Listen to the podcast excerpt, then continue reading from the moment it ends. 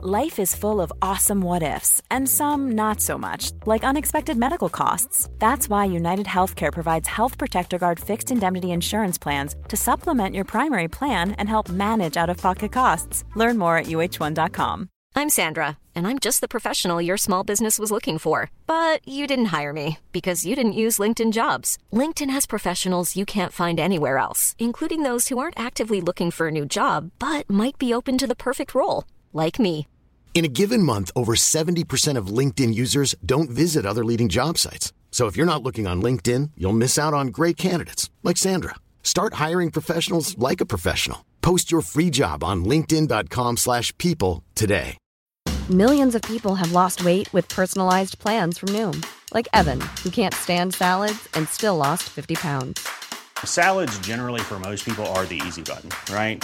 For me, that wasn't an option.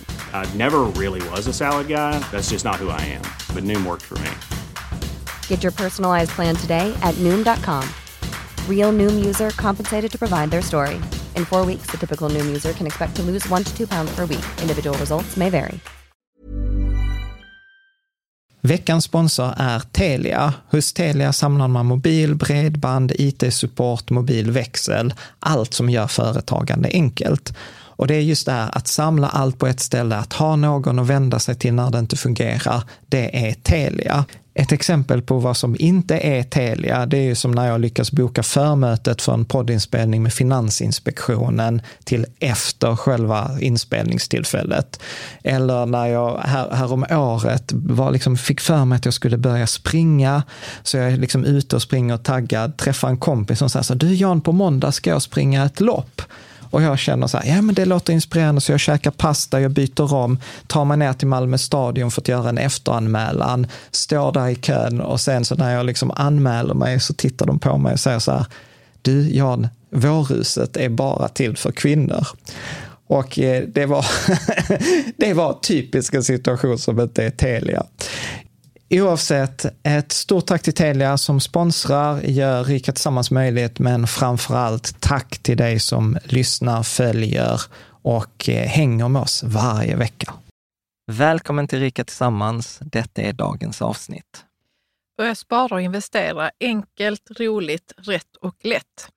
Ja, men idag så får du de viktigaste tankarna och eh, sakerna att veta om ett framgångsrikt sparande.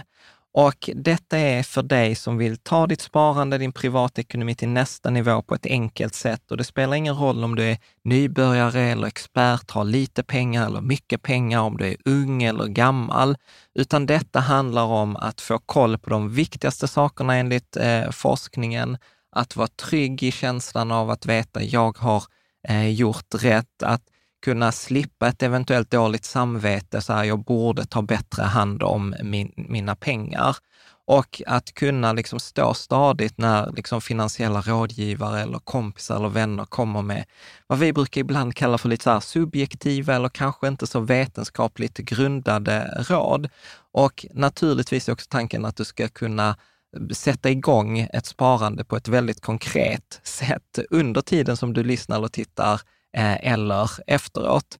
Och sen avslutningsvis så brukar jag säga att sannolikheten är dessutom ganska stor att du över tid kommer tjäna mer pengar än de flesta andra. Men det brukar jag säga att det är bara en bonus. Varmt välkommen till Rika Tillsammans-podden som handlar om allt som är roligt med privatekonomi och livet. Varje vecka delar vi med oss av vår livsresa, våra erfarenheter, framgångar och misstag så att du ska kunna göra din ekonomi, ditt sparande och ditt liv lite rikare. Vi som driver denna podden heter Caroline och Jan Holmesson. Varmt välkommen till dagens avsnitt 99 som är då uppdaterat till version 2024 eller mm. därmed även avsnitt 339. Och jag tänker så här att eh, dagens eh, avsnitt kan egentligen sammanfattas i två stycken meningar. Ja. Månadsspara regelbundet och långsiktigt i en billig global och passiv aktieindexfond eller fondrobot. Sitt still i båten, var lat, passiv, oengagerad, ointresserad och oinloggad för att om 10 eller 20 år har tjänat mer än de flesta. Konkreta exempel är Lysa, Opti, DNB Global Index eller annan aktieindexfond som max kostar 0,4 procent. Så. Och då tänker jag egentligen så här, här har vi sagt det som det mesta eller det viktigaste att säga. Men jag tänker så här att det vi ska göra i resten av avsnittet är att egentligen så här bryta ner de här två meningarna. Att varför är de så viktiga? Vad innebär detta rent konkret? Var hittar man det? Och Samtidigt så vill jag då också säga att detta, liksom, detta avsnittet finns sammanfattat på vår Instagram-kanal i en sån här höjdpunkt som man kan klicka så här, börja spara rätt. Det finns en kort podd på kanske 10-15 eh, minuter eh, och andra sammanfattningar. Så att jag tänker att man behöver liksom inte nödvändigtvis, om man lyssnar på oss första gången, tycka så här, oj gud vilken tid det tar, så finns det en sammanfattning eh, av det här avsnittet. Men jag tycker också ändå att det finns ett värde i att faktiskt sammanfatta liksom 27 års sparande på ett värdigt sätt och inte göra liksom så här Expressen tre, tre snabba tips. Så att jag rekommenderar att eh, liksom sen efter avsnittet, vi kommer prata om det också, gå gärna till vår hemsida riketsammans.se, tryck på börja här där du får förslag på liksom flera liksom ställen att ta avstamp i. Eh, titta gärna på bildspelet om det är så att du lyssnar på detta. Du behöver inte ha bildspelet framför dig när vi liksom går igenom avsnittet. Och sen eh, naturligtvis så vill jag slå ett slag för Riket Sammansforumet, där du kan ställa frågor och om det är någon fundering eller du vill ha något förtydligande eller Jan och Karo, ni sa det här i avsnittet. Eh, eller så här, min situation är så här, jag har fått ett arv eller jag, jag har eh, barn från ett annat eh, förhållande eller liksom jag kan inte välja den fonden, så är det ett fantastiskt ställe att ställa en fråga på. Och vi kommer också referera till ganska många andra avsnitt i, det här, eh, i den här genomgången. Så att där finns länkar i beskrivningen oavsett om du tittar på detta som video eller lyssnar på oss som eh, eh podd. Och eh, jag tänker lite kort om oss för dig som lyssnar på oss, som har fått detta avsnittet rekommenderat. Så jag heter Jan Bolmesson eh, och detta är min fru Caroline. Mm. Och, Hej! och eh, jag är då civilingenjör, läst teknisk fysik, Caroline då doktorerat i molekylärbiologi. Vi bor i Malmö, är i 40-årsåldern, har två, eh, två små barn och vi har väl liksom investerat, jag har investerat sedan 1996, så börjar jag närma mig 30 år och har gjort det här. Podden Riket Sammans föddes väl i en frustration för snart 15 år sedan, då, 2008. Eh, ja, det var och, bloggen som föddes då. Sen ja. podden kom ju 2017. Ja, men ex exakt. Mm. och eh, tanken är att vi liksom idag, att det handlar inte bara om pengar. Liksom, att pengar är fantastiskt, det skapar vissa möjligheter, det löser vissa problem, men det är inte allt i livet, utan i många av våra andra avsnitt pratar vi ganska mycket om så här, rikedom i livet bortom eh, pengar. Och sen så tänker jag också så här, vi vill inte ha dina pengar, så vi liksom sitter inte här och säljer att så, ge dina pengar till oss. Vi gör inte sånt, utan vi pratar om i våra avsnitt så här, hur vi förvaltar våra egna pengar, och hur vi gör med liksom barnens pengar och våra släktingars pengar. Och detta avsnittet är inte sponsrat, det är ingen som har betalat oss eh, för det här, utan känner du att detta avsnittet var bra, då får du gärna stödja oss via Patreon eller använda en av våra reklamlänkar som finns i beskrivningen. Är det något mer vi ska lägga till om oss? Nej. Nej. Alltså det finns jättemycket mer att säga, men vi tar ett annat tillfälle. ja, men det är bra. Så att jag tänker alltid, den, en av de viktigaste frågorna att ställa sig, det är så här, varför spara och investera överhuvudtaget? Och det som jag tänker, som vi brukar prata om, att det handlar om att ha en välmående ekonomi och att ha ett rikt liv och kunna ha det både idag och att kunna ha det även imorgon eller i, i framtiden. Och när jag är ute och föreläser ibland så brukar jag ställa denna frågan och så får folk eh, svara vad de tycker är viktigt. Och då upplever jag många gånger att det handlar om en trygghet, att man vill liksom inte ha kniven mot strupen, utan man vill ha en buffert, man vill kunna ha en frihet att välja, frihet att välja att kunna resa utan att någon chef säger så här, nej du får inte semester. Att kunna ha valfriheten att spendera tid med sina barn eller med en hobby, kunna göra egna val, kunna gå i pension eh, utan liksom, att behålla den livsstilen man vill ha, kanske gå i pension lite tidigare. För att även om man gillar sitt jobb så kanske man inte klarar av att jobba, liksom att kroppen hänger inte med tills man är liksom 70. Eh, eller det kan handla om ekonomisk frihet eller eh, FIRE eller liknande. Så att det, det som man kan säga är så här, vad det än må vara för dig, så är det ofta unikt och personligt. Och vi tänker väl många gånger att pengar är en resurs för att just kunna leva det livet man vill leva. Att det handlar inte om att dö rikast på kyrkogården, eh, tänker jag.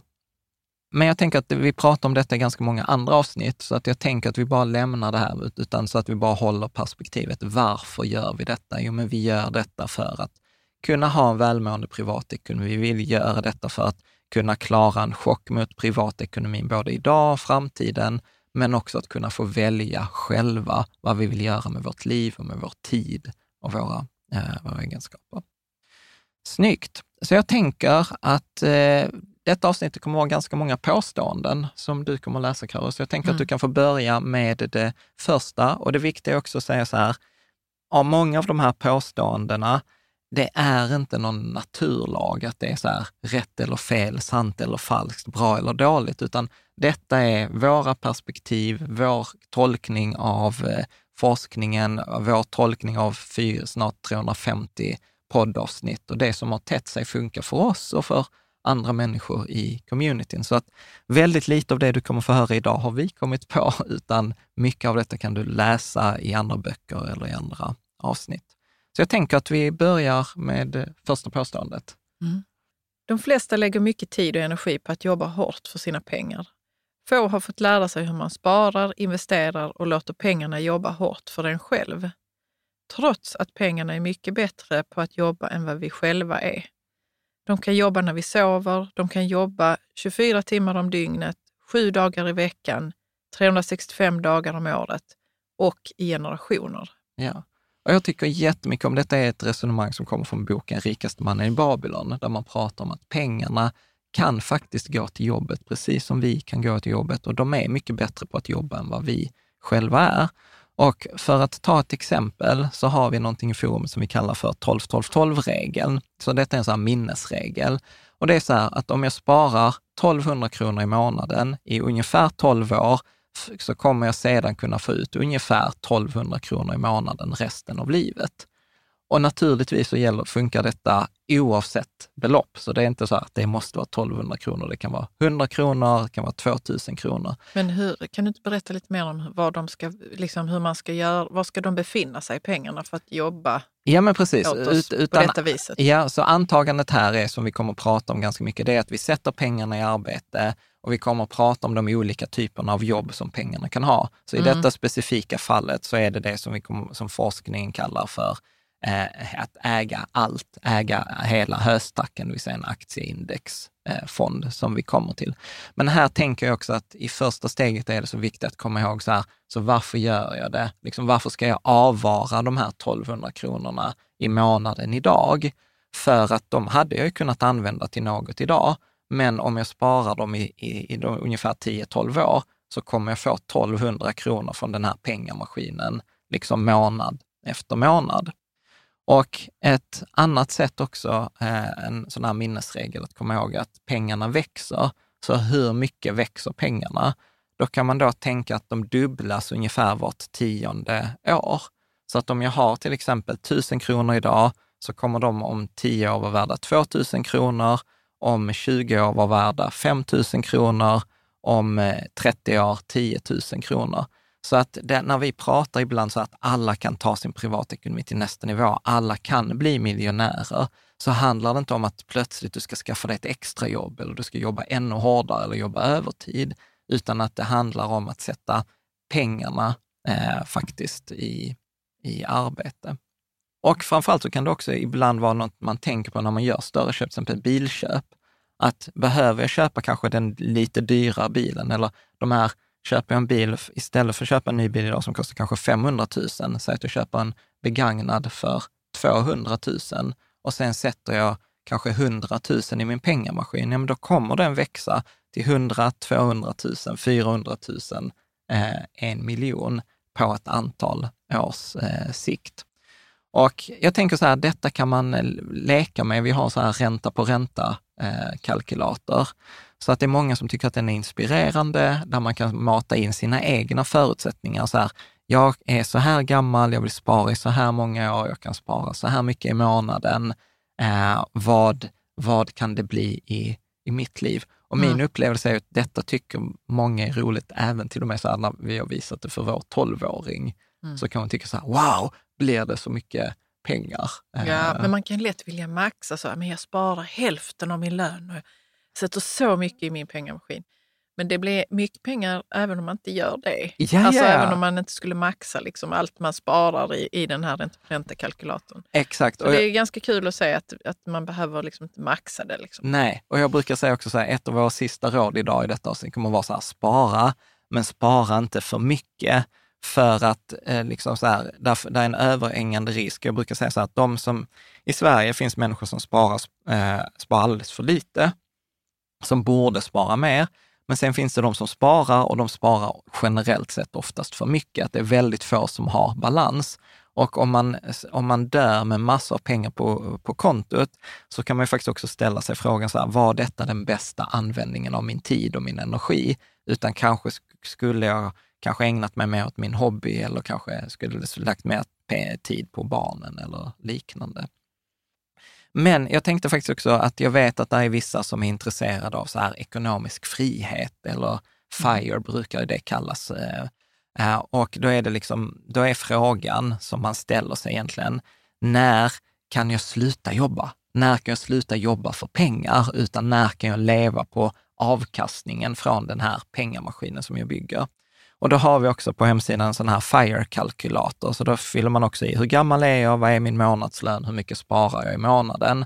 Och sen räknar den fram så här, okej, okay, men om du sparar till exempel 20 procent av din lön, då kommer du bli ekonomiskt fri om 37 år, kommer den säga.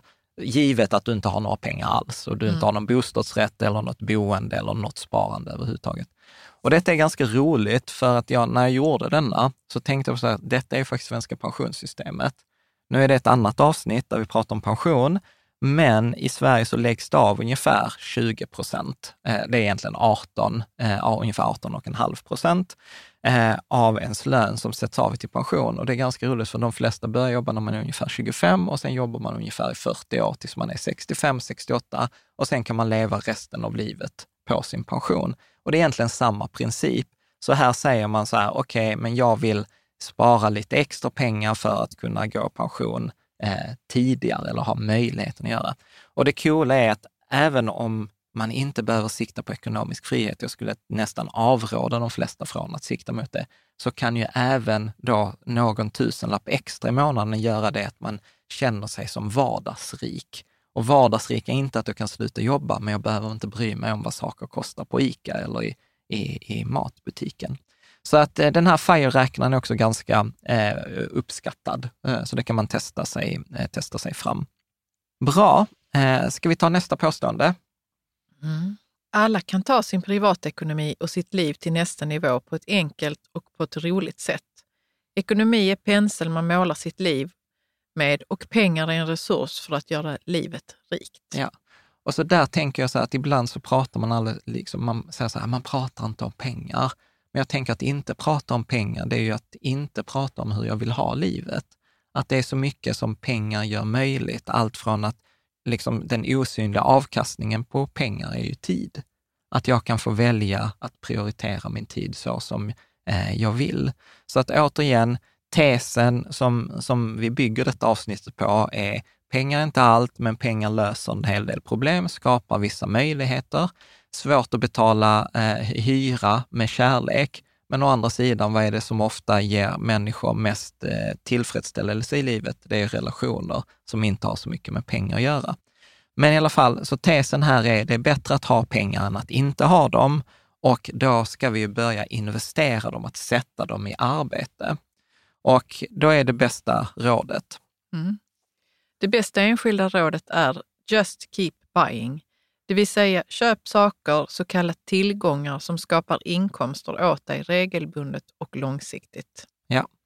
Och eh, då, detta kommer ju från en bok med samma namn skriven av Nick Maggiulli som har gjort flera avsnitt eh, på avsnitt 250 och framåt, eh, där han pratar om så här, om, om man inte vet någonting om någon person och man ska ge ett finansiellt råd, vilket är det bästa rådet som har funkat oavsett hur gammal personen varit, oavsett när personen har börjat spara, oavsett vad personen kommer investera i, så är det så här, just keep buying. Bara fortsätt köp saker som genererar dig inkomster. Och tittar vi eh, liksom så här flera hundra år tillbaka, för jag tror mycket så här, vi människor hittar sällan på nya saker, utan där finns ett värde av att titta historien. Och då finns det två primära sätt att eh, sätta sina pengar i arbete. Och det är att köpa så kallade antingen räntebärande tillgångar. Och en räntebärande tillgång, det är att jag lånar ut mina pengar mot en ränta och jag får ofta en säkerhet under en viss period. Så det jag tror de flesta av oss känner till är, är liksom typ motsatsen till ett bolån. Så att vi går ofta till banken när vi ska köpa vår bostad, så säger vi så här, hej banken, jag har inte råd att köpa min bostadsrätt här för en miljon, så jag behöver låna pengar. Och så säger banken, absolut, det är okej, okay vi tar din bostadsrätt som säkerhet och du får låna en miljon kronor, men du får betala oss 4,5 procent om året i så kallad ränta. Eh, och det här lånet löper ett visst antal år. Så att räntebärande tillgång. Och då ett annat exempel på en räntebärande, förutom då detta som kallas för obligation, alltså ett omvänt bolån, är bankkonto. Att vi sätter in våra pengar på en bank, vi lånar ut våra pengar till en bank och banken säger så här, titta du har satt in dina pengar här på det här bankkontot, vi betalar dig 3 procents eh, ränta för att du har pengarna eh, hos oss.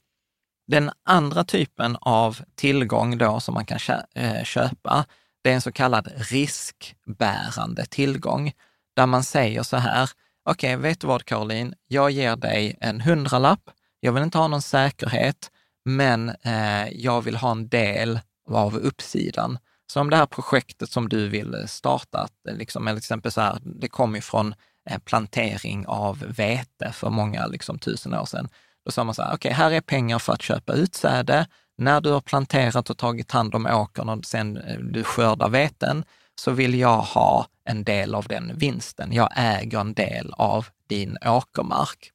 Och då har jag liksom rätt till en del av värdeökningen av den framtida vinsten.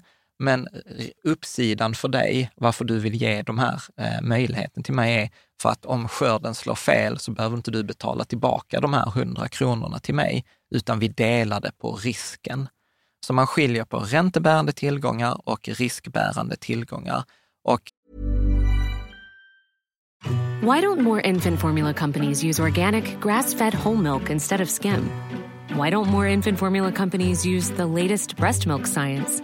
Why don't more infant formula companies run their own clinical trials? Why don't more infant formula companies use more of the proteins found in breast milk?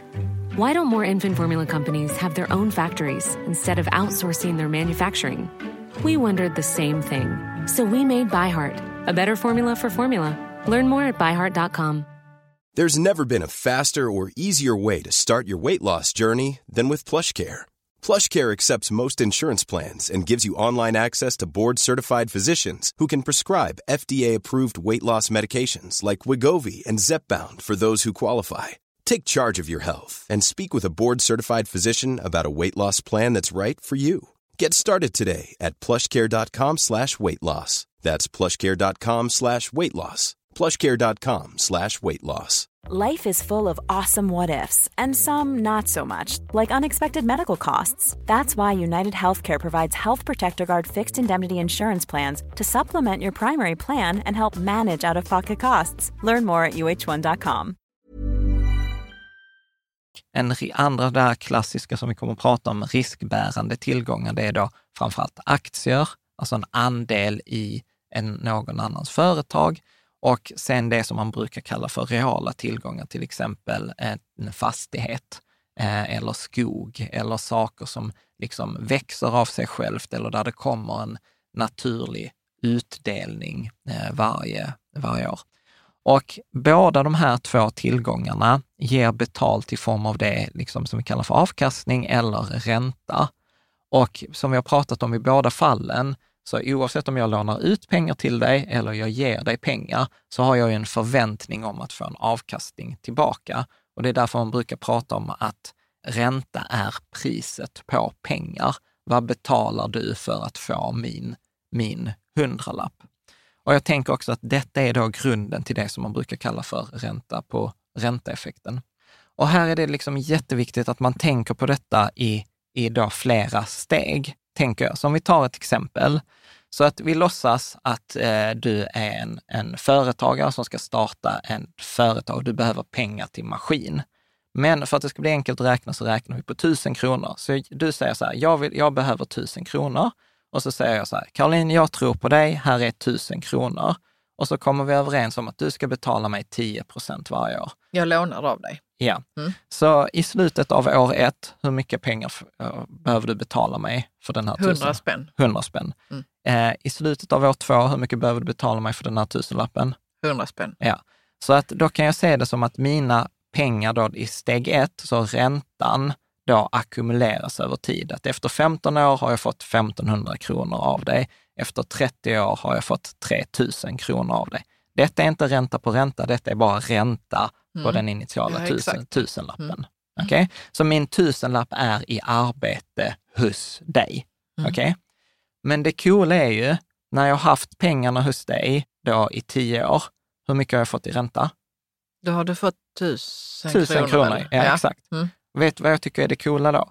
Då kan jag ju ta den här tusenlappen och så kan jag hitta en ny sån som du, som också vill starta ett nytt företag och också behöver en maskin. Och så kan jag starta om, göra exakt samma sak med den här nya tusenlappen. Mm. Är ni med? Så att nu har jag plötsligt, jag hade en initial tusenlapp som jobbar hos dig, Mm. som betalar mig ränta. Sen när jag fått liksom nya pengar så kan jag sätta dem i ett annat jobb som också liksom började, jag har liksom klonat den här affären. Och då har ju hos den andra har ju, är det ju liksom pengar, då är det ju ränta på den räntan som pengarna tjänade Ja, hos dig. precis, ja. Mm. Och det coola är då att sen när de pengarna har varit i jobb hos den personen i tio år, då har de tjänat tusen kronor. Då kan jag flytta dem till en tredje person Mm. och få nya pengar. ja, för då har du två tusenlappar som bara är egentligen räntegenererade. Exakt, Mm. som genererar nya pengar. Mm. Och det är detta som jag Mm. tycker är så himla Ja, men fantastiskt. det är ett bra exempel. Jag tänker så hur, hur man som privatperson, vi kanske kommer in på det sen, hur man själv liksom kan få, få effekten av ränta på ränta. Exakt. Och det Utan att låna ut till massa människor. nej, nej, men principen ligger ändå nära för att vi kommer prata om då en sån här aktieindexfond. Jag har nämnt det ordet nu ett par gånger. Men det är ju att man äger andelar i massor av olika bolag. Så metaforen är faktiskt väldigt nära. Mm. Att vi ger våra pengar till liksom tusentals företag runt om i världen. Och när, när de då gör vinst, när till exempel man, om man äger Apple, varje gång Apple säljer en iPhone så gör de ju en liten vinst. Och en liten del av den vinsten hamnar i min ficka och då kan jag ju då köpa lite mer i aktieindexfonder. Oftast gör detta görs ju automatiskt, det är inget jag behöver tänka på. Men då växer ju de här pengarna. Och bara för att ge då en, liksom ett exempel, så här har jag bara ritat upp, så de här tusen kronorna med 10 procents ränta, ja men de har växt på 30 år till 17 500, så 17,5 gång. Mm. Och av de här 17 500, det var ju 1000 kronor vi började med, 3 000 kronor som var 10 procents ränta i 30 år. Och resterande 13 500 kronor är ju då ränta på ränta.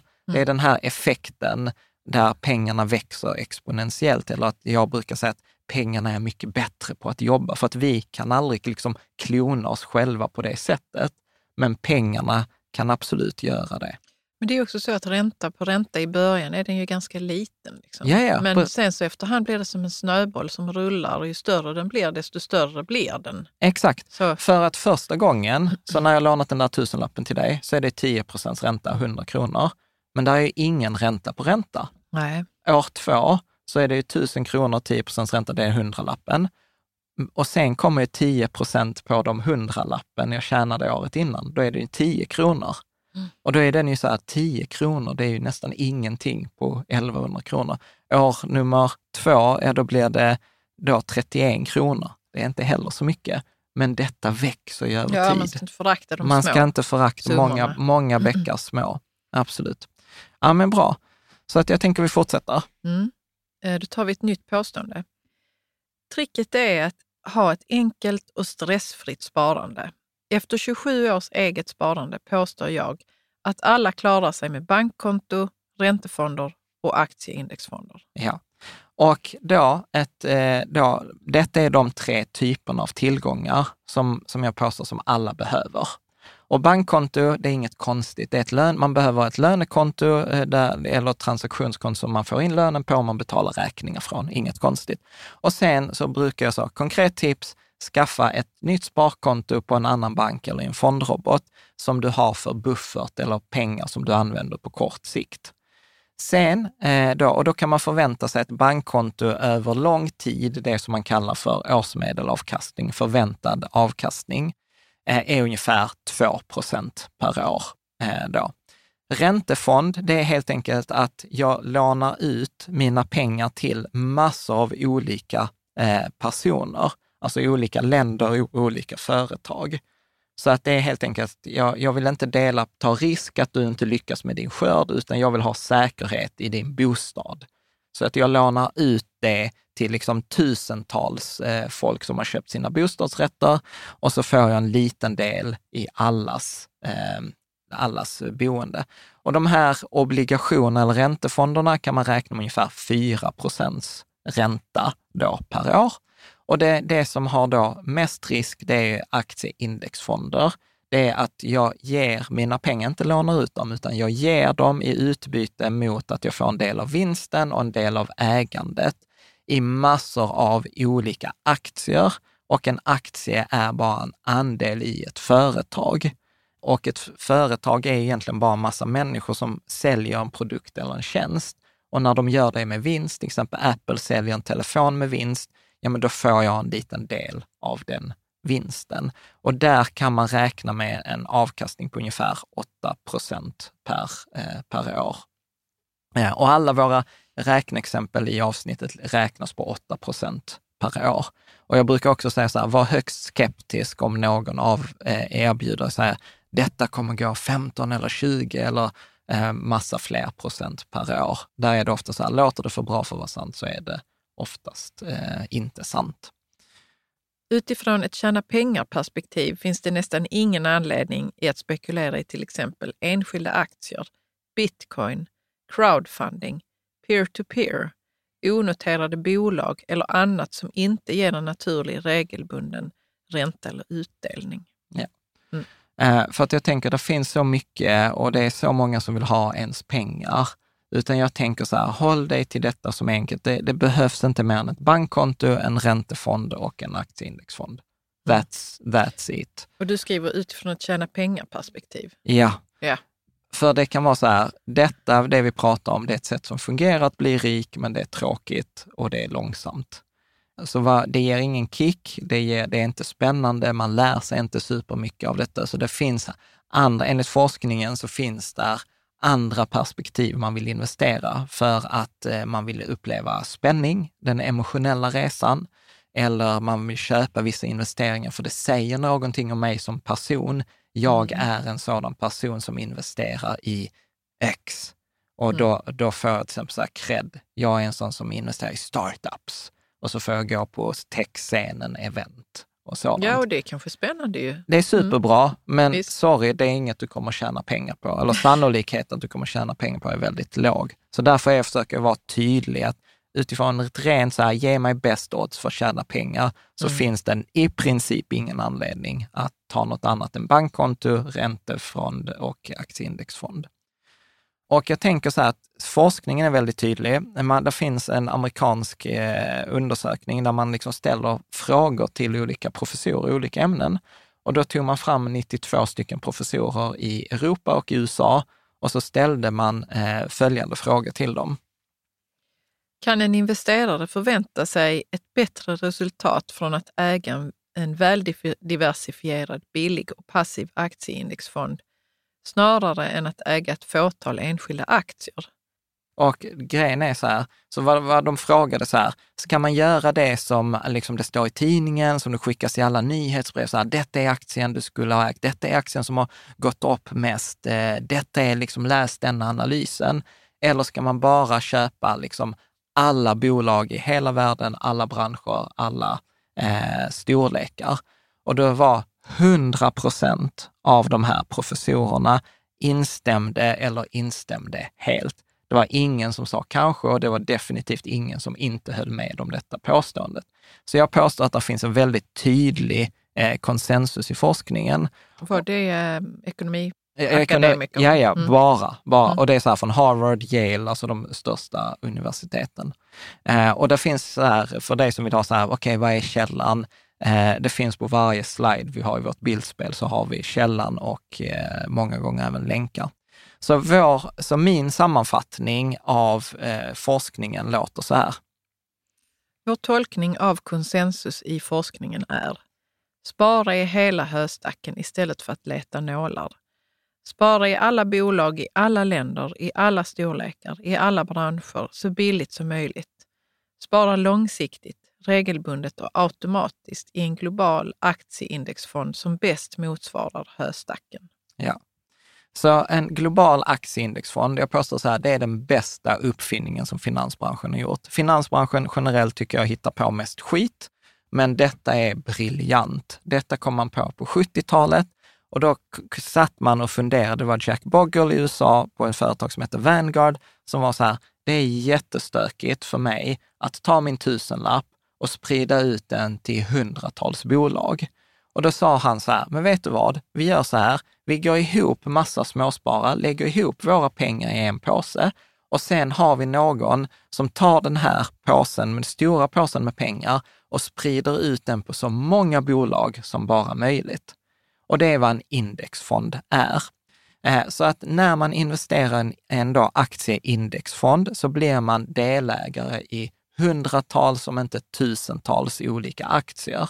Och då när man pratar om en global aktieindexfond, då blir det naturligtvis flera tusen bolag i hela världen.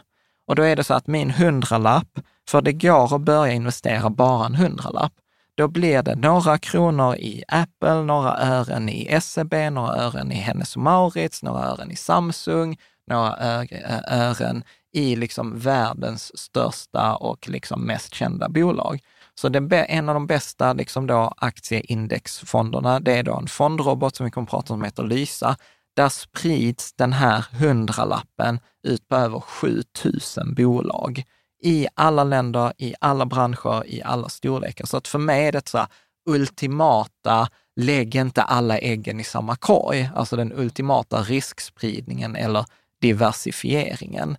Och därför är det också okej okay att man lägger alla sina pengar i en enda fond. För att det är inte lägga alla äggen i en korg, utan de sprids ju ut runt om i världen. Så en, en då global aktieindexfond, det är så nära forskningen man kan komma. Och vi har andra avsnitt som går igenom det, men detta är det som kallas för då eh, CAPM, som man fick Nobelpris för, eh, liksom, eh, faktiskt flera, flera gånger. Och när man då investerar i den här aktieindexfonden så är det lätt att man glömmer bort att det är att jag äger andelar i företag, företag är människor.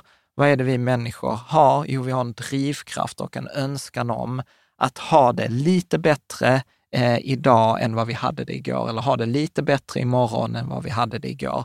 Vi vill att våra barn ska ha det bättre än, än vad vi själva har. Och jag säger att den här drivkraften eller den här önskningen, det är ju därför vi inte bor i grottor. Det är därför vi utvecklar hela tiden. Så att köpa en indexfond, det är att fånga mänsklig drivkraft. Så att det blir lite som att säga så här, tror man inte på aktier så är det som att säga så här, jag tror inte på mänsklig drivkraft. Ja. Och det andra som är bra eh, är ju att de här eh, går, eh, en sån här global aktieindexfond går idag att köpa hos i princip alla eh, bankerna. Så det vi kommer också ge konkreta förslag. Känns det förståeligt? Mm. Så, eh, och då kommer vi också vad forskningen säger alltid, det är så här billig. Och här luras vi ju ofta att tro att det som är dyrare är bättre kvalitet. Så är det om man köper ett par jeans så är oftast ett par jeans eh, bättre kvalitet. Okay, Caroline ser skeptisk. Eh. Ja. ja. men det stämmer till, till viss del. ja, men, men, okay, men i alla fall, i sparande så är det tvärtom. Ju billigare, desto bättre. Att eh, låg avkastning tenderar att hänga ihop eller korrelera Eh, med god avkastning. Så det är mycket, mycket bättre att kolla på eh, låg avgift än till exempel olika så här fondbetyg med stjärnor eller liknande. Vi har ett avsnitt, jag tror att det är 123 eller liknande, där vi liksom går igenom detta med stjärnor, fondbetyg. Och det har ingenting med att göra. Tvärtom så är det ofta så att en, en fond med, med fem stjärnor tenderar att gå sämre i framtiden än en fond med ett lägre antal stjärnor. Så blir liksom inte lurad av det här. Så, eh, så rekommendationen billig är så här, betala aldrig mer än 0,2 till 0,4 procent för en aktieindexfond och för en räntefond så betalar inte mer än 0,4 till 0,6 procent. Så räntefonder är generellt dyrare än aktieindexfonder för att det är en mer ineffektiv eh, marknad. Och här ska jag, jag tänkte jag ska ta ett exempel, för man tycker så här 1 procents avgift, alltså fonden kostar 1,4 procent. Det är snittet för fonder i Sverige. Och då kan man ju tycka så här, men 1,4 procent i avgift eller 0,4 procent i avgift, men det spelar inte så stor roll. Och jag säger så här, jo, det spelar roll. Vi på hemsidan så har vi en sån här jämför två fondavgifter-räknare, bara för att se vilken skillnad det blir. Så det gjorde ett, ett enkelt exempel. Vi sparar 1000 kronor i månaden i 25 år med 8 procents eh, ränta. Och när man gör en sån här jämförelse så är det bäst att utgå från vad hade det blivit om det inte fanns någon avgift? För då har vi ju någonting att jämföra mot. Så sparar jag i 25 år, det är 300 månader, 1000 kronor i månaden, 300 000. Det är det jag har satt in. Pengarna ränta på ränta har då växt 647 000, så totalt har jag ungefär 947 000 eh, kronor. En fond med 0,4 procent i, i avgift, då kommer de istället för att ha växt i 647 000 bara ha växt med 586 000.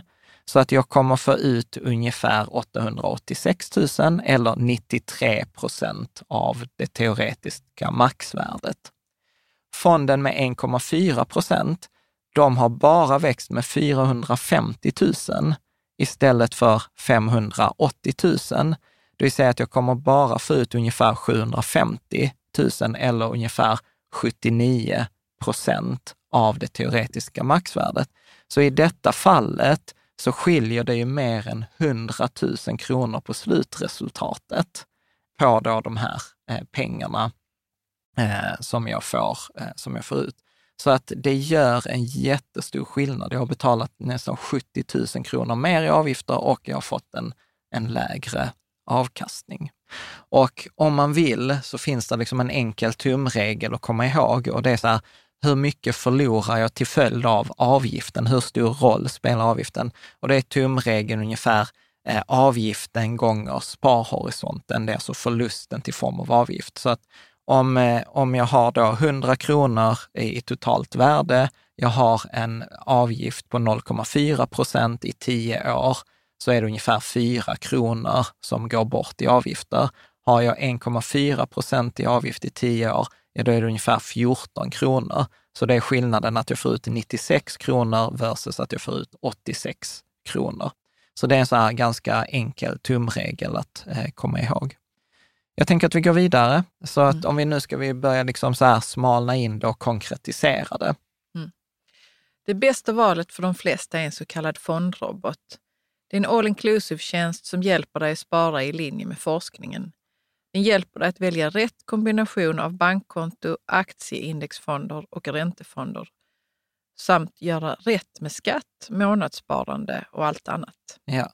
Så att jag tänker också att det är viktigt att komma ihåg då här att en fondrobot är aldrig bäst på liksom varje enskild faktor. Den försöker inte optimera så här, oh, detta är den lägsta avgiften eller detta är den bästa avkastningen eller detta är liksom, utan en fondrobot brukar jag säga, tar hem priset som det bästa alternativet genom att den är tillräckligt bra i alla områden. Som att det liksom handlar om att det är enkelt att komma igång, det är en, det är en bra, tillräckligt bra avgift, det är tillräckligt bra fonder de väljer.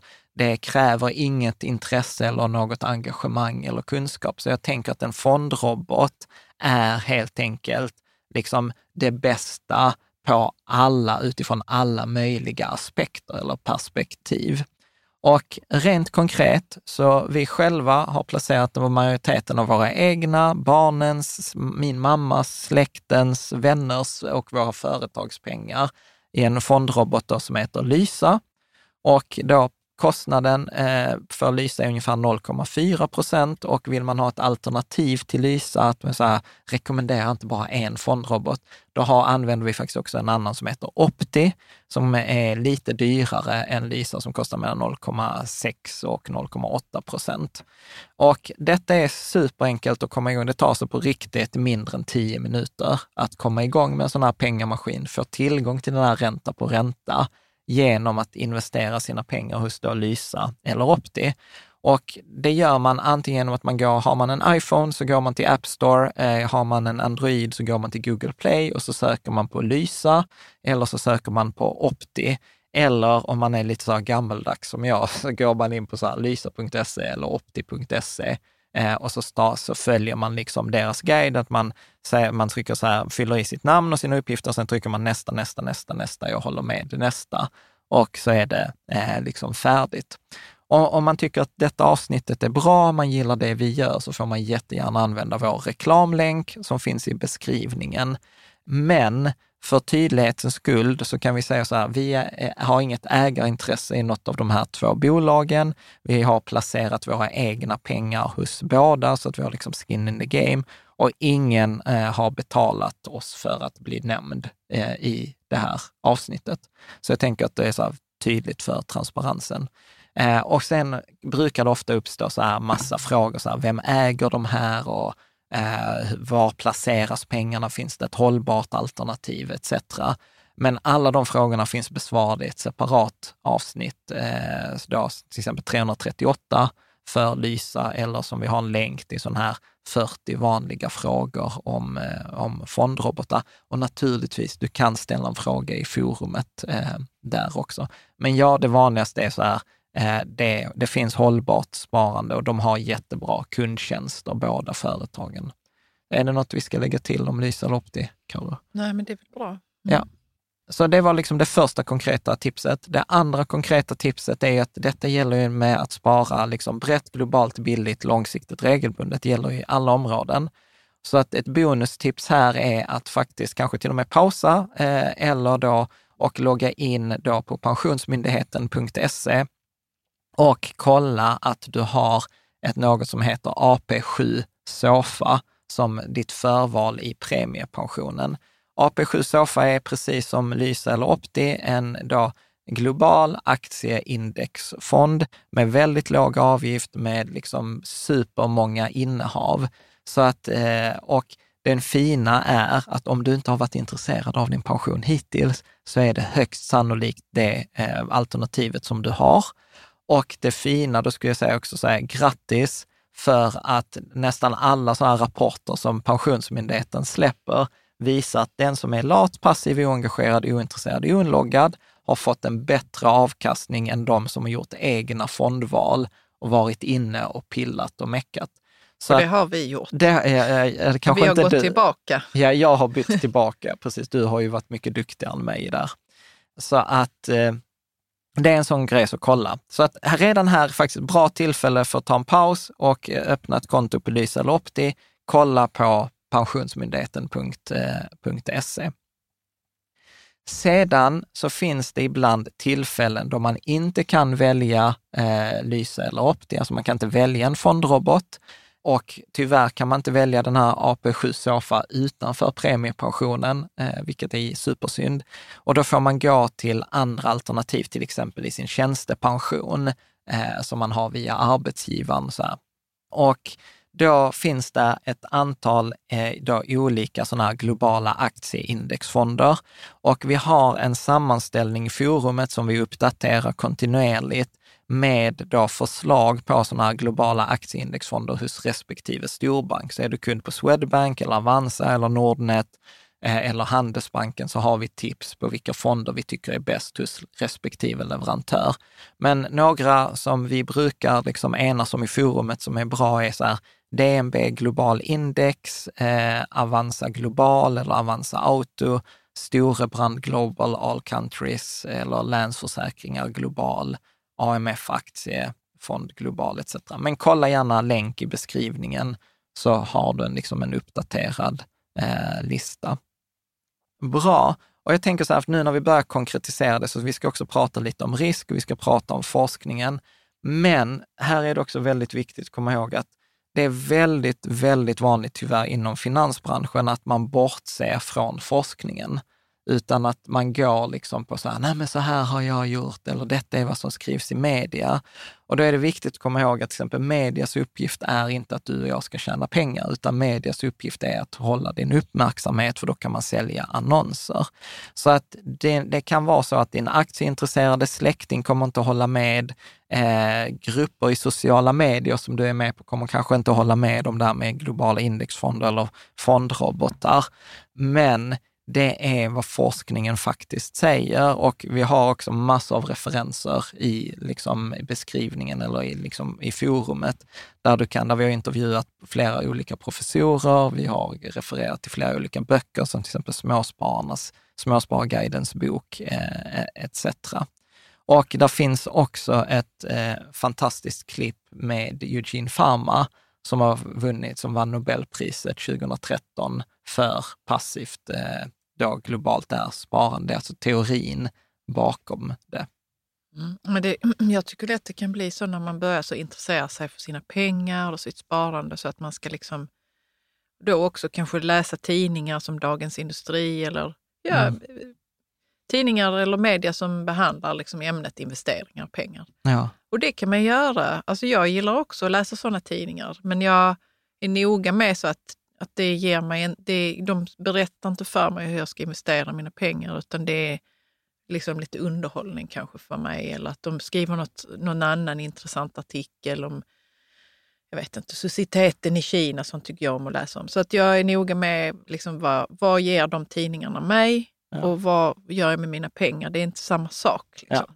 Men jag tänker så här, vi sätter på, jag klipper in här Eugene Pharma. Ja, det kan äh, göra ju. Mm. Som på tre minuter pratar om äh, det. Så varsågod. På tisdag delas årets Nobelpris ut och Rapport har träffat ekonomipristagaren Eugene Fama som sågar svenskarnas vanligaste fondsparare. Han menar att de avgifter som vi betalar till fondförvaltarna för att hitta vinnaraktier på börsen oftast är bortkastade pengar. The evidence says that that money is on average wasted. But they say that they find the winners. They do, but the evidence says they don't. När svenskarna sparar i aktiefonder går nästan 9 av 10 kronor in i aktivt förvaltade fonder som påstår att just de är bättre än alla andra på att slå index, alltså snittet för hur det går på börsen. Men Nobelpriskommittén belönar Eugene Fama för forskning som visar att de flesta som ser ut som börsvinnare idag oftast inte är så skickliga som de påstår. The thrust of our work is they were just lucky. So what's the conclusion for, for an average person saving? They're better off just buying passive index funds that charge very low fees. Svenska småsparare betalar varje år miljarder i förvaltningsavgifter till de stora fondjättarna för att de ska hitta vinnaraktierna. Frågan är bara hur de motiverar sina höga avgifter om det nu är som forskningen visar att framgång på börsen snarare är en fråga om tur än skicklighet. Vi tror och är besjälade av tanken att vi med vår liksom, kraftfulla analysapparat ändå ska klara av att hitta en, en portfölj, ett gäng, ett antal fonder som klarar av att som grupp gå bättre över tid. Eh, och, och det, det, det har vi tänkt att lyckas med. Men allt fler svenskar väljer ändå bort aktiv förvaltning till förmån för indexfonderna som ofta är tre gånger billigare. Från att de knappt fanns på radarn står indexfonder idag för drygt 11 procent av sparandet i aktiefonder trots att fondjättarna gör allt för att tala tyst om den sparformen. De andra storbankerna vill inte ens ställa upp på en intervju om utvecklingen. Men kan det vara så att de stora fondspelarna helst inte vill att kunderna ska välja de här billigare indexfonderna för att man tjänar mindre på det? Jag kan inte svara för hur andra ser på saker. Vi har både indexfonder och aktivt förvaltade fonder i vårt sortiment och vi hjälper våra kunder att välja det som vi tror passar kunden. Nobelpristagaren Fama har i alla fall valt indexfonder för det mesta av sitt sparande. Han avfärdar tanken på att man skulle kunna förutsäga vilka enskilda aktier som kommer gå bra imorgon eller nästa år. So what do you think about financial media uh, doing these stories every time? Uh, these were the winners last year, Yeah. and these are the funds you should choose Right. based on a three-year Financial record. pornography. financial pornography. Right. You, you it's entertainment. It's entertainment. Och jag tycker detta är fantastiskt för att han säger ju precis som du, alltså här, det är ju entertainment. Det är ju en ren underhållning. Han går ju till och med så långt så att han kallar det för finansporr. Eh, så att jag, jag tänker att här är det så här, eh, jag gillar det här engelska uttrycket trust but verify. Eh, och jag upplever så här att vi har gjort detta så pass länge att jag känner mig liksom ganska trygg i så här, kollar du upp liksom vad forskningen säger, inte vad media säger, så kommer du se att mycket av det som vi säger bekräftas, eh, bekräftas eh, där. Bra, så att ska man sammanfatta eh, det här, vad, vad är det forskningen säger? Varför pratar vi om den här globala aktieindexfonden? Varför pratar vi om de här fondrobotarna? Ska du läsa Caroline? Mm. Nio av tio proffs slår inte en indexfond över tid. Studier visar att det i många fall är bättre att singla slant än att lyssna på rådgivare, tidning eller expert som uttalar sig om framtiden. Framgång på börsen påverkas mer av tur och slump än skicklighet. Ja, så här citerar vi egentligen det Eugene Pharma säger.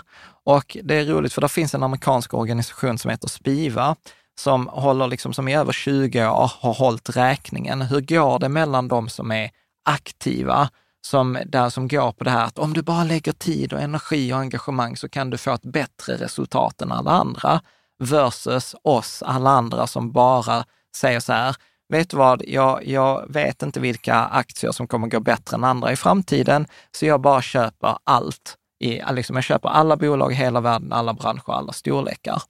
Och då visar de extremt tydligt till exempel att om man tittar i USA så har 93 procent av alla professionella aktörer eh, som investerar i amerikanska aktier inte slagit ett amerikanskt index. Tittar man på europeiska professionella förvaltare så är det 89,7 procent som inte har slagit den här indexfonden på, på tio år. Så att vad de flesta proffs klarar inte att slå index över tid. Och jag tycker detta är roligt för vi intervjuade då de här Spiva, vi intervjuade domarna i den här jämförelsen mellan det som kallas för aktiv förvaltning och passiv förvaltning i avsnitt 302. Och det han konstaterar, deras slutsatser från 20 års data var så här, de flesta professionella investerare underpresterar mot index den mesta av tiden. Sannolikheten för att få ett sämre resultat än den här indexfonden ökar typiskt sett ju längre tidsperioden är. Bra avkastning i en period, till exempel det senaste året, eh, tenderar inte hålla i sig. Det vill säga att det är liksom alla de här mejlen som kommer eller som kommer i så här Expressen. Detta är de bästa fonderna jag har. Detta är fonderna miljonärerna har köpt eller detta är fonderna du skulle ha ägt. Helt meningslöst eftersom bra avkastning tenderar inte att hålla i sig. Och de här slutsatserna gäller oavsett vilket land man tittar på, oavsett, oavsett vilken typ av fonder man tittar på, oavsett vilken eh, tidsperiod eller tillgångslag som man tittar på. Så att jag tänker så här, om inte, fond, om inte proffsen lyckas och proffsen har läst på handelshögskolor, de har team, de har research, de har liksom alla möjliga eh, liksom verktyg, de gör detta dygnet runt. De klarar inte slå index. Vad är sannolikheten att du och jag ska göra det på fritiden? Och sen så finns det även andra förklaringar till det här som är ännu värre. Eh, men det har vi i andra avsnitt, som ett avsnitt som heter Paradox of Skill, som säger så här att, eh, att det handlar väldigt mycket om slump. Att man får inte betalt för att lägga ner tid. Och det är det som är så ointuitivt med sparande, att i sparande vinner den som är lat, passiv, oengagerad, ointresserad och oinloggad, inte den som kan mest, gör mest, engagerar sig mest. Och det är ofta svårt för oss att ta in eftersom vi är så vana från träning eller från jobbet eller från skolan, att den som gör mest får bäst eh, resultat. Ska vi ta nästa påstående? Mm. All avvikelse från en indexfond introducerar en extra beteenderisk och minskar, minskar ofta den riskjusterade avkastningen. Ja. Så forskningen är tydlig, så att alla val som inte är en indexfond är ofta sämre. Behöver inte liksom vara det, men i de flesta fall så är de, eh, så är de sämre. Ska du ta nästa? Ju fortare du inser att du är medioker och att det är okej, okay, desto mer pengar kommer du tjäna över tid. Att du dessutom kommer hamna i topp 10, 10 eller topp 25 procent och tjäna mer pengar än de flesta andra, det är en bonus. Så att vi kommer att prata om det här med strateg, att målet för en sparande bör vara strategisk mediokritet. Jag tänkte att vi ska ta en kort liten reklampaus. Och där tänkte vi säga att vi har en Patreon-community där vi har ett antal människor som stödjer oss, gör det möjligt för oss att lägga ner researchen och tiden för att göra den här typen av presentation. Så du får väldigt gärna sponsra oss via Patreon och tanken är inte bara att det ska vara välgörenhet, utan tanken är också att du ska få en struktur för att få en bättre ekonomi och ett rikare liv med den här communityn. Och vi har massa extra avsnitt, vi har eh, digitala träffar, vi har haft eh, besök ute hos den här fondroboten Lysa eh, och eh, andra träffar i verkligheten. Så att eh, jag vill egentligen säga tack till dig som är med på Patreon som gör detta avsnittet möjligt och tack till dig som överväger att eh, liksom sponsra oss och stödja oss via den här Patreon-communityn och vara med på den här resan. Och man kan läsa mer på då, eh, patreon.com riket tillsammans eller länk i beskrivningen. Snyggt! Så att om vi hoppar tillbaka här till den här strategisk mediokritet, så vad Spiva visat då när de har gått igenom de här 20 åren är att om du och jag bara äger vår indexfond som varje år kommer att vara medioker eftersom det är ett snitt av marknaden, så kommer vi på 10, 15, 20 års perspektiv hamna i toppen av alla eh, i avkastning. Inte för att vi är så himla grymma, men för att tyvärr alla de andra är ganska dåliga och underpresterar mot index. För om 90 procent av alla fonder underpresterar mot index, så betyder det att vi som inte underpresterar mot index, vi kommer ju liksom hela tiden hamna liksom högre och högre upp i den här eh, listan. Så att nu har vi pratat om så här, eh, varför spara, hur man ska spara och nu tänkte jag det sista liksom vi ska ta är att prata om lite om riskerna och varför det är så viktigt att spara långsiktigt så att du också får liksom både fördelarna och liksom några av nackdelarna. På kort sikt är marknaden slumpmässig och du har oddsen emot dig. På lång sikt är den förutsägbar och oddsen flyttar till din sida. Låt tiden bli din bästa vän. Den sänker risken och jämnar ut avkastningen. Ja. Så tittar man på till exempel den svenska börsen mellan 1870 och eh, 2000 då, 2023, så kan man se att eh, liksom, de bästa åren kan Stockholmsbörsen, till exempel 1999, gå plus 70 procent. Så att en hundralapp den första januari var värd 170 kronor i slutet av december och några av de sämsta åren så har min hundralapp den första januari varit värd 60 kronor i, i slutet av december. Det hände till exempel 2008 under finanskrisen. Så ett enskilt år kan börsen slå väldigt, väldigt mycket. Och ibland så är det till och med så här att vissa så här negativa år följer varandra. Att man har kanske ett, två, tre år efter varandra. Och då är det inget konstigt att, att liksom värdet kan gå ner ordentligt på sikt. Alltså det är därför vi pratar om så här, kommer då, riskbärande tillgångar. Och då brukar man prata om något som kallas för drawdowns, alltså hur långt ner kan det gå? Och det är inte ovanligt att om man sparar i 10 eller 20 år, att man kommer vara med om att värdet halveras. Så det är liksom viktigt att eh, komma ihåg att, eh, att där finns liksom, det är en risk och det är risken vi får betalt för. Eh, så du kan läsa här. För tydlighetens skull, allt sparande, även i indexfonder, innebär en risk. Du kan förlora hela eller delar av ditt insatta kapital. Historisk avkastning är inte en garanti för framtida avkastning. Och man kan läsa mer på riketsammans.se villkor. Så om börsen kan gå ner och man kan förlora halva värdet på kort sikt, vad ska man liksom göra? Är det liksom ett kasino? Nej, det är det inte, utan tricket är att på lång sikt är börsen mycket mer förutsägbar. Så om man istället för att titta att jag bara sparar i ett års sikt där det kan gå hur som helst, så tittar vi att jag sparar på tio års sikt. Och, eh, och då tittar man att istället för 1 januari till 31 december så tittar jag eh, 1 januari till 31 december tio år senare att jag har en tioårig sparhorisont. Och då finns det till exempel ingen tioårsperiod sedan andra världskriget som har gått back på Stockholmsbörsen. Och det blir väldigt tydligt, vi har en illustration här som visar att ju, för varje år jag lägger på i sparhorisont så blir avkastningen jämnare och jämnare. Att på ett års sikt, så du vet när, när det alltid är de här artiklarna i media, så här, hur kommer börsen gå nästa år? Så det korrekta svaret eh, med, enligt forskningen skulle vara så här, med ganska stor sannolikhet någonstans mellan minus 40 och plus 70. Men problemet är att det är inte så hjälpsamt eftersom det är ett spann på 110 procent, eller procentenheter.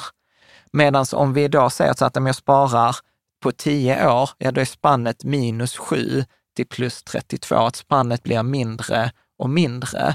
Och tittar vi på då till exempel eh, på 10 års, eh, på en tioårig sparhorisont, då är sannolikheten att gå plus över 93 procent. Tittar man på sannolikheten att gå plus på en 25-årig sparhorisont så är den över 99 procent. Så att tiden är vår bästa vän. För varje år vi lägger på i sparhorisont så ökar sannolikheten för att det går plus och vi kommer närmare och närmare de där 8 procenten i årsgenomsnitt eller årsmedelavkastning. Men bara för att vi pratar om 8 procent i årsmedelavkastning så är det viktigt att komma ihåg att det enskilda året kommer ju nästan aldrig vara 8 procent. Utan om vi tar då till exempel 2022, då var det minus 22 procent. Tittar vi år 2021 var det plus 39. 2008 var det minus 39. 2019 eh, plus 35. 2023 ter det sig hamna någonstans runt 17-18 procent. Så att tiden är vår bästa vän. Och trots att vi pratar om det här, att det finns en risk och jag kan förlora, så är detta en av mina favoritgrafer. För där har jag tittat på då sparhorisonten över långa tidsperioder. Så vad har det blivit för någon som är född på 50-talet, som är 70 år gammal? Vad är det för någon som är 60 år gammal, 50 år gammal? Så alla liksom 10 års steg i generationer. Och jag tycker att det är så himla coolt för att då en krona investerad har då för en 70-åring växt till 343 kronor. Så, så de här pengarna har liksom växt ränta på ränta 343 gånger.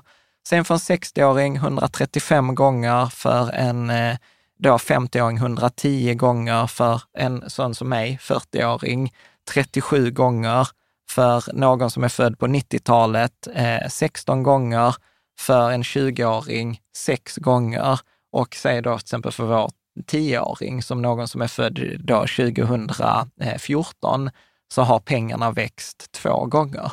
Så nästan liksom oavsett då när man är född, så, han, liksom, så går börsen upp. Över tid går börsen upp och det handlar ju om just det där att jag har tagit en risk. Om jag bara sitter still i båten, låter pengarna jobba för mig, så kommer pengarna växa. Och den enda skillnaden till att det är två här för 10-åringen och 343 för 70-åringen, det är ju bara att 70-åringen har suttit i båten längre. Mm. Så jag tycker att detta är så här sjukt eh, inspirerande. Jag vet inte vad du tänker? Jo, men jag tycker det är spännande att 70-åringen har 340 kronor och 60-åringen 135. Att det är ändå ganska stor skillnad där, just i det ja. lilla tioårsspannet där. Och det kanske är förklaringen att det blir ju mycket pengar mot slutet. Ja, för att komma ihåg, det är en av de första tumreglerna var så här, pengarna dubblas var tionde år. Mm. Så här är ju en tio år, alltså tio år, vad kommer hända? Då går det från 135 till 270. Mm. Så att skillnaden är inte så stor. Det är liksom, men de här åren gör enormt stor skillnad. Och det är därför jag alltid säger så här, viktigaste, eller så här, det bästa tillfället att spara, börja spara, det var för 20 år sedan eller liksom typ när man föddes. Näst bästa tillfället är idag. Så börja idag. Och du som är ung och lyssnar på detta, grattis för du har liksom världens chans, världens möjlighet att börja med det här. Och det är därför jag säger så här, pausa och öppna det där kontot på en fondrobot redan nu. Så, så att detta är ju liksom vikten av det långsiktiga sparandet. Men det gäller också att ta hänsyn till, liksom, ibland har man ett kortsiktigt sparande, att så här, mm. vi vill byta lägenhet eller etc. Så att du kan läsa här ett av de sista påståendena. Balansera risken med en kombination av räntor och aktier baserat på sparhorisont. Sitt still i båten oavsett vad marknaden gör så att dina pengar slipper utsättas för irrationella misstag som ofta kostar 30 till 40 procent av avkastningen. Då kan de göra det som de är bäst på, att tjäna pengar, nya pengar till dig. Ja, så att jag tänker här att som vi tittade på den förra då, grafen, så handlar det om att liksom sitta still, bara vara investerad, trots att liksom de, vi har sett kriser, vi har haft krig, vi har haft finanskrig, vi har haft pandemi etc. Så har pengarna växt med de här multiplarna, inte med procent, alltså med gånger, antal gånger pengarna. Men jag, jag tänker på det du menar med att sitta still i båten. Det är ju liksom att inte då hålla på att logga in och ta ut pengar när man tycker så men nu är det nog, nu så går marknaden ner. Alltså vi har ju fått sådana frågor under pandemin. Ja. Ska vi ta ut pengarna nu? Ja, för börsen gick ner 30 procent på 30 dagar. Ja, så det, och det är lätt att hamna där ju. Exakt. Mm. Och, och det, det, är liksom så här, det finns massor av undersökningar som visar just att vi investerare eller småsparare är generellt väldigt dåliga och det är därför jag säger så här att jag säger att genomsnittliga avkastningen för index är 8 procent. Men till exempel JP Morgan släppte en rapport där de tittade på, okej, okay, så mellan 2012 och 2021, hur gick det för index? Alltså för de som bara hade ägt den här aktieindexfonden i hela perioden. Då hade de fått 16 procents avkastning per år medan den genomsnittliga spararen hade bara fått 8,7 procent i samma period. Eh, så att man hade underpresterat ganska mycket och då beror det på så här, vi köper saker när de är dyra, för det är då de har gått upp, det är då de har hamnat i media. Och sen så får vi panik när det rasar och så säljer vi när det är billigt. Så vi gör precis tvärtom mot den här köp billigt, sälj eh, dyrt. Och, och, detta syns, liksom, detta var en rapport från JP Morgan. Tittar man på Avanza så ser man också att den genomsnittliga småspararen slår inte index. Av de senaste 15 åren så har eh, småspararen underpresterat ganska mycket 12 av 15 år. Och bara då man hade, liksom jag gjorde ett räkneexempel vid ett tillfälle, att om man tar den genomsnittliga småspararen och ser liksom hur det har gått för dem då på Avanza versus att äga en svensk indexfond, så är skillnaden på ett sparande på 1000 kronor i månaden i 15 år en skillnad mellan att ha 500 000 och ha 300 000. Så att det är en jätte, jättestor eh, skillnad. Och jag brukar ju säga det här att pengarna dubblas vart tionde år.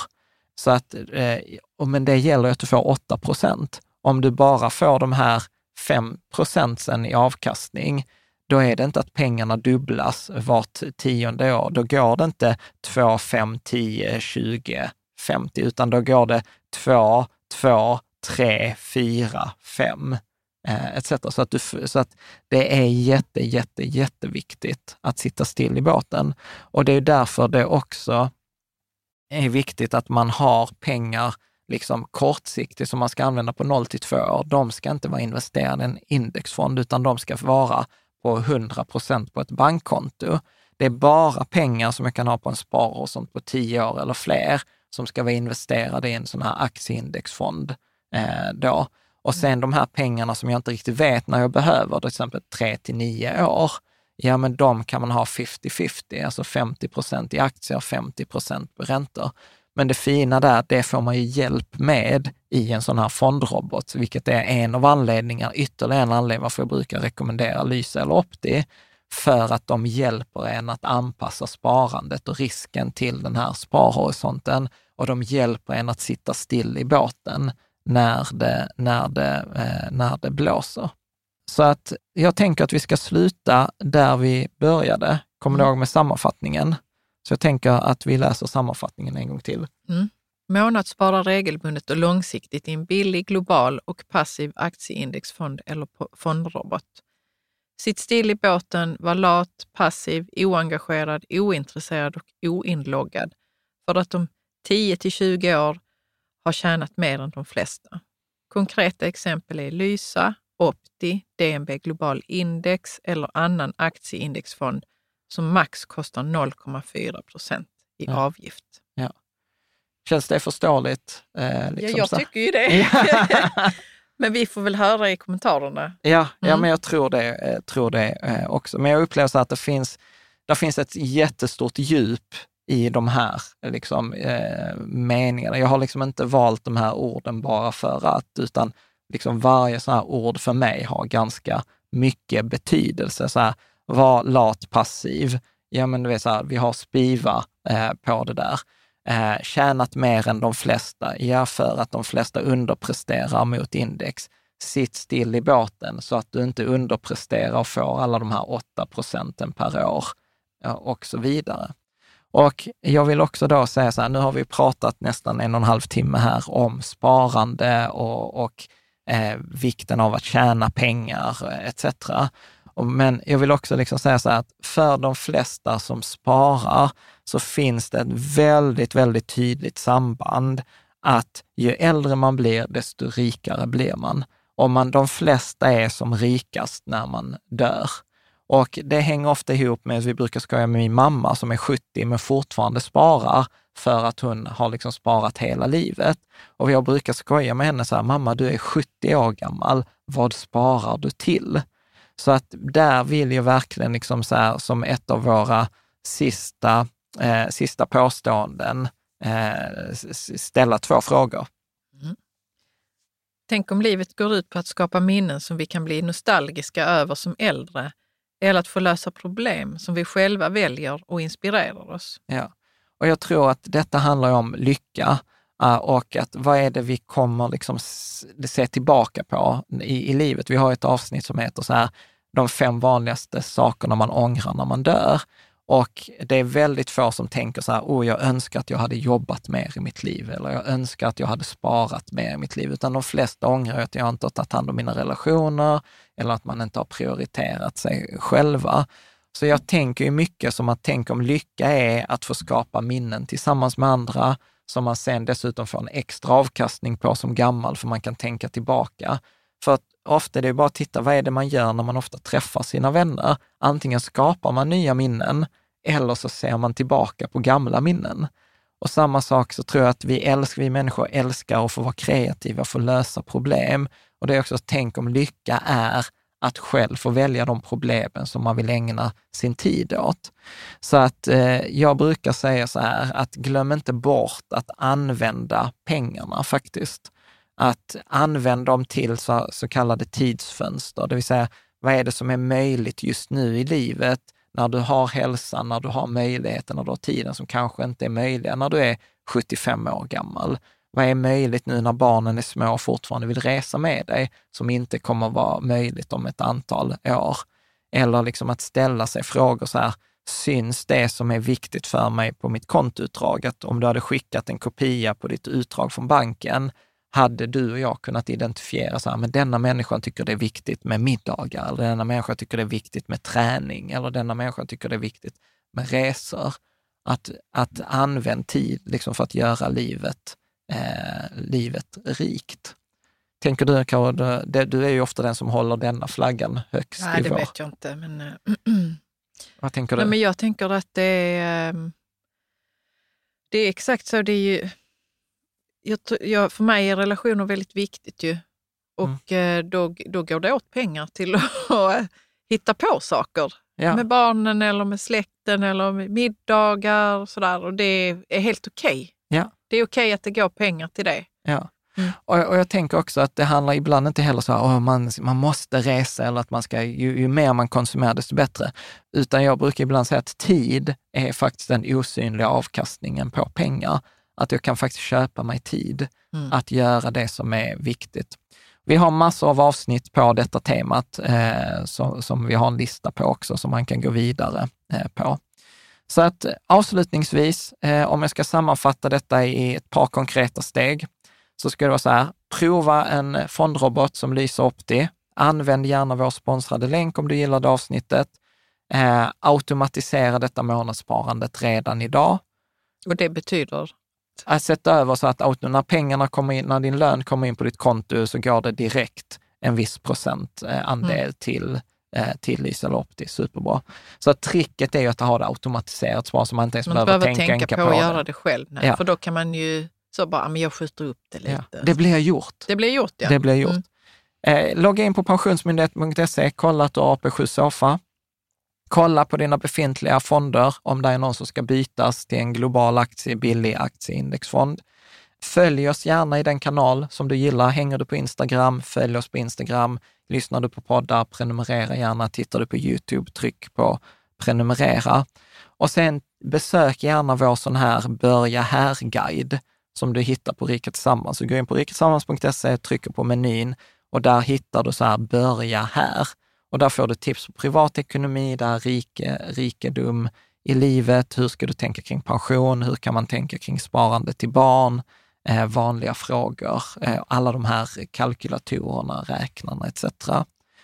Och, eh, och sen naturligtvis forumet som är liksom det stora guldkornet, där det hänger liksom hundratals, tusentals människor, där, vi, där du kan ställa vilken fråga du vill. Vi hjälps åt, vi pratar om allt mellan himmel och jord. Inga frågor är för, för svåra eller för dumma, utan eh, liksom så här, titta in och eh, säg hej. Vi är många nördar eh, och vanliga människor som gillar ja. att hänga, eh, hänga där. Och avslutningsvis, tack till dig som, eh, som stödjer oss på Patreon och gör avsnitt som dessa eh, möjligt. Så att eh, lycka till med sparandet och eh, jag hoppas att vi, vi ses i forumet eller att vi ses där ute i de olika kanalerna. Tack! Tack!